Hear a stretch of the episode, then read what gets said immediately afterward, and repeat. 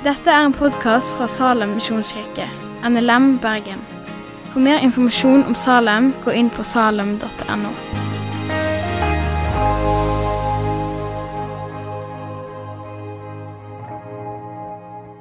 Før vi reiser oss og leser teksten, så vil jeg bare skrive litt, eller si litt hvem Paulus skriver til, og minne oss på dette. Han skriver til menigheten i Korint, som er en, en handelsby. Relativt nyetablert handelsby.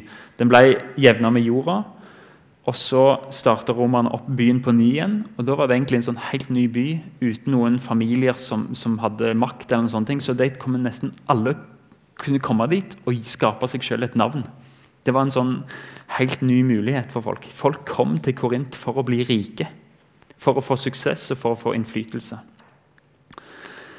Kjærlighet De kjente kanskje ikke så godt til konseptet, fordi det fins et eget uttrykk i antikken å leve korintisk, som var å leve i umoral. Gud gjennom Paulus planter likevel et flaggskip i denne byen. Gud planter sin kirke. Og Gjennom hele brevet så, så, utfordrer Paulus menigheten til å være forskjellig fra kulturen. Til å ikke blåse seg sjøl opp, men til å bygge hverandre opp. Folk kom altså for å være en suksess. Men de som blir kristne, blir del av et fellesskap der plutselig, i stedet for å løfte seg sjøl opp, så skal de snu seg etter de som ligger bak, og hjelpe de fram. Det er en ny kultur. Det var iallfall tanken som Paulus prøvde å så inn til korinterne. Men de ble så lett påvirka av kulturen. De kom jo til Korint fordi de var flinke, de kunne tale, de hadde visjoner, de hadde kunnskap. Og Noen av de som ble kristne, hadde til og med mirakuløse nådegaver. Det var en karismatisk menighet. Men den kirka som skulle være stedet der forskjeller i samfunnet ble utjevna, de sto i fare for å bli en sånn fragmentert. Noen som hadde nådegaver, sa 'jeg er viktig', og prøvde å skape et hierarki. Eller kanskje ikke prøvde, men det ble iallfall resultatet. Og Det var fare for splittelse, fordi at de tenkte hva er de viktigste nådegavene her? Og Så svarer Paulus med å si at ja, men menigheten er en kropp. Det er ikke noe viktig eller ikke viktig med en enhet. Og Så fortsetter han nå i kapittel 13 med å si at det som skal definere oss, er kjærlighet. Spørsmålet er ikke hva gaver er det som er mest stimulerende, hva gaver er det som er mest spektakulære. Hva er det som er viktigst, hva er det som er mest åndelig? Men Paulus sier nei, spørsmålet er hva er det som bygger opp fellesskapet. Og Det er den konteksten Paulus skriver til. Så vi kan reise oss, og så leser vi kapittel 13. Vi tar med det siste verset i kapittel 12 og det første verset i kapittel 14 for å vise at dette er, de tre kapitlene hører helt tett sammen i Jesu navn. Men vær ivrige etter å få de største nådegavene, og jeg vil vise dere en enda bedre vei. Og vi taler med menneskers og englers tunger, men ikke har kjærlighet.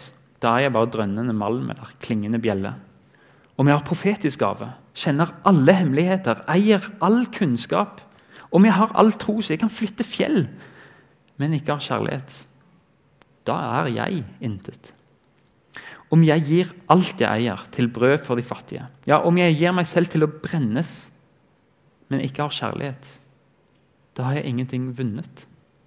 Kjærligheten er tålmodig, kjærligheten er velvillig. Den misunner ikke, skryter ikke, er ikke hovmodig. Kjærligheten krenker ikke, søker ikke sitt eget. Den er ikke oppfarende og gjemmer ikke på det onde. Den gleder seg ikke over urett, men har sin glede i sannheten. Kjærligheten utholder alt, tror alt, håper alt, tåler alt. Kjærligheten tar aldri slutt. Profetgavene skal bli borte. Tungene skal tie. Kunnskapen får gå. For vi forstår stykkevis og taler profetisk stykkevis. Men når det fullkomne kommer, skal det som er stykkevis, ta slutt. Da jeg var barn, talte jeg som et barn, tenkte jeg som et barn, forsto jeg som et barn. Men da jeg ble voksen, la jeg av det barnslige. Nå ser vi i et speil, i en gåte. Da skal vi se ansikt til ansikt. Nå forstår jeg stykkevis. Da skal jeg erkjenne fullt ut, slik Gud erkjenner meg fullt ut. Så blir de stående, disse tre. Tro, håp og kjærlighet. Men størst blant dem er kjærligheten. Jag etter kjærligheten, søk åndsgavene med iver, særlig det å tale profetisk. Amen. Da kan dere få sitte. Vi har jo det mest feilsiterte bibelverset her, annet, i vers 13. Så blir de stående, disse tre troer på kjærlighet, men størst blant dem er kjærligheten. Eh, overalt så leser vi 'størst av alt er kjærligheten'. Men de som virkelig har gått inn i teksten, de vet at størst av alt er huslånet. Eller Blåhvalen. Det har jeg også sett fint brodert på et sånt broderi. Så, det, så, så blir de stående troa på kjærlighet, men størst av alt er Blåhvalen. Men det er tre punkt jeg har lyst til å dra gjennom i denne talen. Det første denne teksten oppfordrer oss til å jage etter gaver av nådegavene og etter åndens frukt. Paulus skriver om flere nådegaver. Tungetale, profetisk kunnskapsgave, trosgave, om givertjeneste. Og De skal brukes til å bygge opp menigheten, ikke til å opphøye sin egen posisjon. Alle nådegaver har begrenset verdi hvis de ikke brukes i kjærlighet til andre mennesker. Og Målet er ikke å bygge opp andre mennesker eller ære Gud. Så er nådegaver meningsløst. En nådegave kan en umoden kristen få. I Bibelen så ser vi at til og med folk som er i opposisjon til Gud, kan få evner av Den hellige ånd eller av andre ånder evner som kan minne om nådegaver. Det er egentlig ikke så overraskende hvis du har lest Bibelen og kjenner Bibelen godt. Du kan gjøre store under uten å ha en tro. Et eksempel er Biliam, som hadde en profetisk gave han brukte til egen vinning. Eller kong Saul, som kom i profetisk henrykkelse, selv om han har vært og er i en posisjon der han er ulydig mot Gud. Og Kanskje det beste eksempelet er Jesus sjøl som gir i Matteus 7. Ikke enhver som sier til meg 'Herre, Herre', skal komme inn i himmelriket, men den som gjør min himmelske Fars vilje. Mange skal si til meg på den dagen, 'Herre, Herre, har vi ikke profetert ved ditt navn?' 'Drevet ut onde ånder ved ditt navn og gjort mange mektige gjerninger ved ditt navn?' Da skal jeg si dem rett ut, 'Jeg har aldri kjent dere.' Bort fra meg, dere som gjør urett. Så det med nådegaver, det er til å bygge opp menigheten. Men det fins òg noen falske nådegaver. Altså. Problemet er at mennesker kan ha gaver, kan gjøre store gjerninger, men likevel tilbe seg sjøl og ikke Gud. Men det er annerledes med kjærlighet. Det bibelske uttrykket 'agape'. For Vi snakker ikke om den fysiske, erotiske kjærligheten som, som Bibelen kaller eros. Den, den 'jeg elsker deg' trakter etter. Vi snakker heller ikke om filos, søskenkjærlighet eller familiekjærlighet, eh, der jeg elsker det som er verdt å elske. Men vi snakker om agape. Den guddommelige, ubetinga kjærligheten som ikke forventer noen ting tilbake, ikke krever noe tilbake, men som er sjøloppofrende kjærlighet. Den som er definert av Jesus. Paulus skriver i Romerbrev 5.: Mens vi ennå var svake, døde Kristus for ugudelige. Da tiden var inne, selv for et rettskaffens menneske vil vel neppe noen gå i døden. Eller kanskje ville noen gjøre det for en som er god. Men Gud viser sin agapekjærlighet til oss ved at Kristus døde for oss mens vi ennå var syndere. Den typen kjærlighet er det Paulus oppmuntrer oss til å vise hverandre. Men den typen kjærlighet er ikke en nådegave, men det er en frukt som vokser frem hos en kristen. Jo mer tid vi bruker med bibelbønn eller med fellesskap eller lovsang, andre kristne, vitnesbyrd, trofasthet, meditasjon eh, Hva som helst, bare vi utsetter oss for påvirkning av sannheter fra Guds ord i en eller annen form, musikalsk eller stillhet eller med ord. eller Når Helligånd slipper til i livet, vi gir Han rom, så vokser åndens frukt i oss. Vokser fram i den kristne. Men åndens frukt er kjærlighet.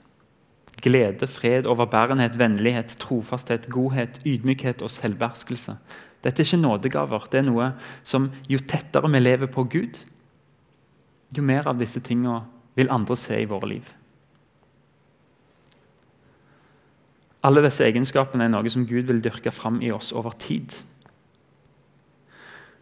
Så det Paulus sier, nådegaver, spektakulære gaver eller helt vanlige tjenergaver eller hva som helst uten at vi lever tett på Gud og lar hans karakter forme seg i oss, uten at vi har hans kjærlighet til hverandre, så er ikke disse nådegavene så veldig til hjelp nødvendigvis. Implikasjonen er at Salem, alle nådegavene som vi har i Salem Når jeg sier dette, så, så, tror jeg at Gud kan bruke alt. ja. Han kan bruke til og med det vi gjør, med et feil motiv.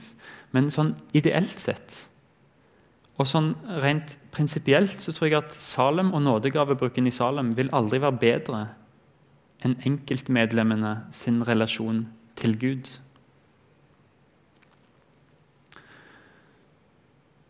Jo tettere på vi lever, jo tettere på Gud, jo mer kjærlig blir vårt fellesskap.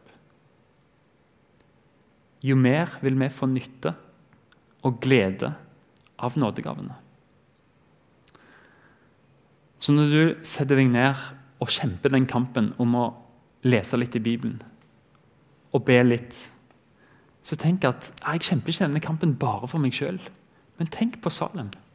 Tenk at faktisk, Hvis jeg vinner denne dragkampen i viljene mine, om jeg skal prioritere litt tid, så, så gjør jeg det faktisk for mange andre.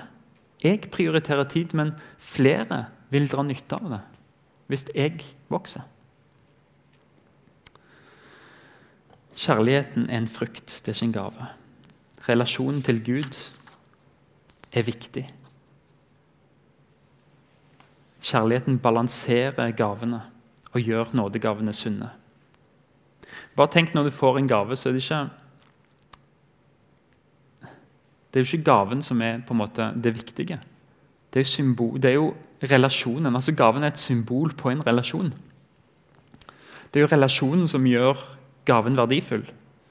Jeg har noen strikkesokker som jeg har fått vunnet på en basar. Og så har jeg noen strikkesokker som jeg fikk av min bestemor, som døde i vår. Når jeg skal rydde og på en måte gjøre litt plass i skapet, så er det ganske lett å bestemme hva sokker som fyker. Fordi at relasjonen er det som gir verdi. Sånn er det òg med nådegaver. Søk giveren. At han gir deg et hjerte, sånn at vi bruker gaven på den måten som den er tenkt. Åndelig modenhet viser seg i at Gud får forma vår karakter etter Jesu bilde. Det handler ikke om de spektakulære, overnaturlige evnene, men om en karakter som formes i oss til å ville andre sitt beste. Det er de trygge rammene for nådegavene. At vi bruker vi, sånn som Jesus brukte vi, til å bygge opp andre.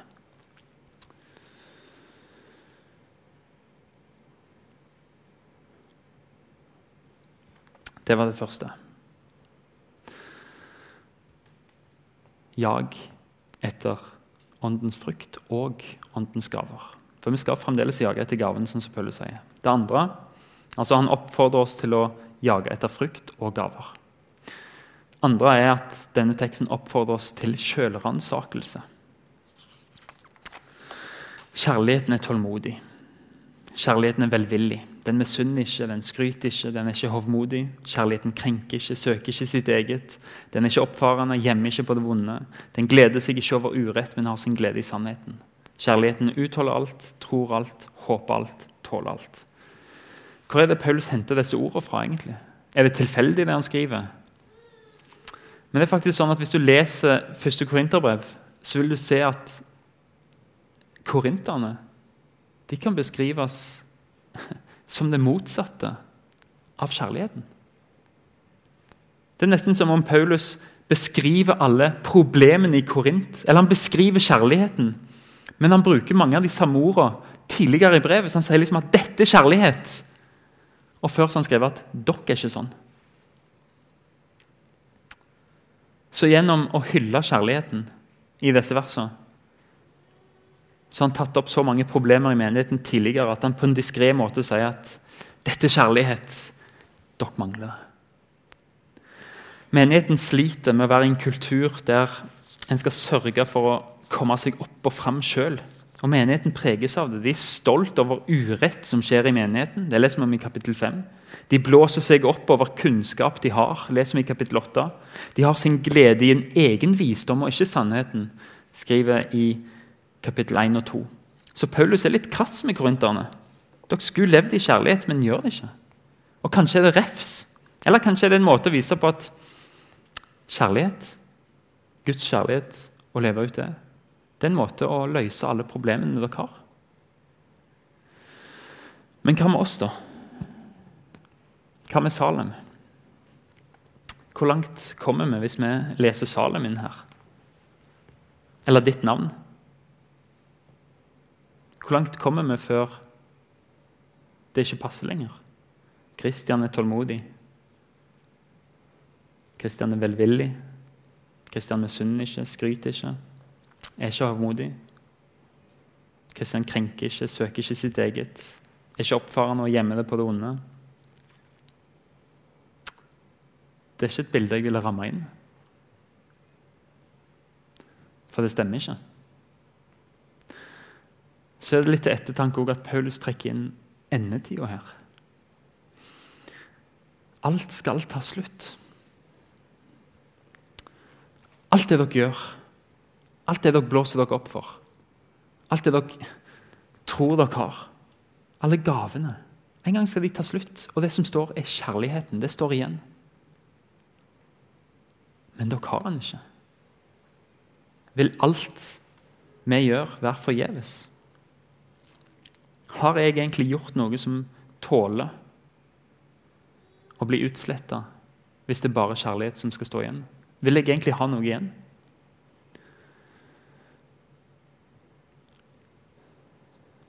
Det er en ransakende tekst, for jeg får det ikke til å gå opp i mitt liv.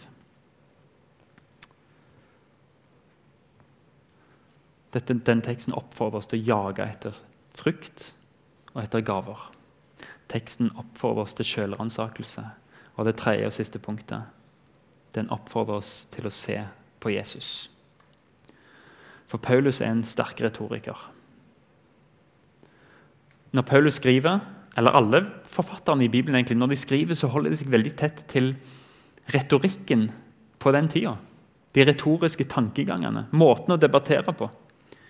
Og Noen kommentarer til disse som har, som har, peiling på dette, peker på at kapittel 13 er det en kaller for enkomium. Det er visst et samme ord på engelsk, men jeg har aldri hørt det likevel. Men det er en form, en sjanger. Altså? Vi har jo essay, vi har leserinnlegg, altså, vi har jo hatt eksamen, så vi kan jo akkurat de norske der. Men enkomium det er en hyllest av en person eller en ting. Det er en hyllest i sin form og et eksempel i sin funksjon. Det vil si at Paulus hyller noe, og målet hans er at det skal være et eksempel for oss. Så Paulus hyller kjærligheten. Men vi vet òg at han har skrevet jeg vil ikke vite noen ting annet hos dere enn Kristus og han korsfesta. Og vi vet at Paulus sikter til en person når han rammer inn kjærligheten, og nesten menneskeliggjør kjærligheten så vet vi at Paulus sikter til å hylle personen Jesus Kristus, korsfesta for oss. Og Jesus hadde alle nådegavene. Vi, vi har heldigvis så greier ikke vi å bære alle nådegavene på samme måte som Jesus gjorde. og Derfor har Den hellige ånd gitt oss én, kanskje to, eller blanda noen bare litt hos hver enkelt. Men sammen så viser vi Jesu nådegavebruk som menighet. Men Jesus hadde alle, og han utøvde alle nådegavene i fullt mål og med kjærlighet. Det er bare til å lese gjennom evangeliene. Når, når Jesus taler profetisk, når han ut, utretter under, eller når han gir seg sjøl Ikke til å brenne, som Paulus skriver, men på korset, så, så gjøres alt det gjøres i kjærlighet til hans folk. Til å bygge opp menigheten. Og Jesus er tålmodig med deg. Ja, Ennå til hvor vrangvillige vi er, så er han tålmodig med oss. Barmhjertig, langmodig. At miskunnhet tar ikke slutt. Han er velvillig. Han vil deg vel. Selv om vi egentlig ikke vil hverandre vel alltid. Han misunner ikke, han skryter ikke. Han er ikke hovmodig, han krenker ikke. Han søker ikke sitt eget, men ditt beste. Han er ikke oppfarende. Det er trøst. Tenk når vi gjør noe for enda en gang som vi ikke skulle gjort. Det er så lett for å miste tålmodigheten med hverandre. og si, nå er det nok. Men Jesus er ikke oppfarende. Han gjemmer ikke på det vonde. Snarere så stryker han det vonde ut. Han gleder seg ikke over urett, men gleder seg over sannheten i evangeliet om at urett kan bli tilgitt. I Salme 86 så beskriver salmisten Gud. David som skriver, For du, Herre, er god. Du tilgir. Du er rik på miskunn mot alle som kaller på deg. Og i Salme, 15, nei, Salme 86, vers 15.: Men du, Herre, er en barmhjertig og nådig Gud, sen til vrede, rik på miskunn og sannhet. Alle disse tingene er svar på det Paulus skriver om. Det, ja. Paulus beskriver kjærligheten, David beskriver Gud med de samme ordene. Så skal alle nådegaver en gang få gå. Også de som er forvaltet på en god måte. Også de som bygger opp menigheten vår, som faktisk eh, blir gjort i kjærlighet og trofasthet av dere alle sammen. Selv om vi av og til feiler og gjør ting for vår egen, egen vilje. Men alle de tingene vi gjør, forvalter på en god måte eller på en dårlig måte, alt det skal forsvinne. Og det som skal stå igjen, er Guds kjærlighet, agape. Den ubetinga kjærligheten. Og det er alt vi trenger. Jesu kjærlighet tar ikke slutt. Den kollapser ikke, den visner ikke. Den er det som blir stående. Bare hør når, når, det, når han beskriver sin egen kjærlighet, så han elsker de, altså sine disipler han elsker de til det siste.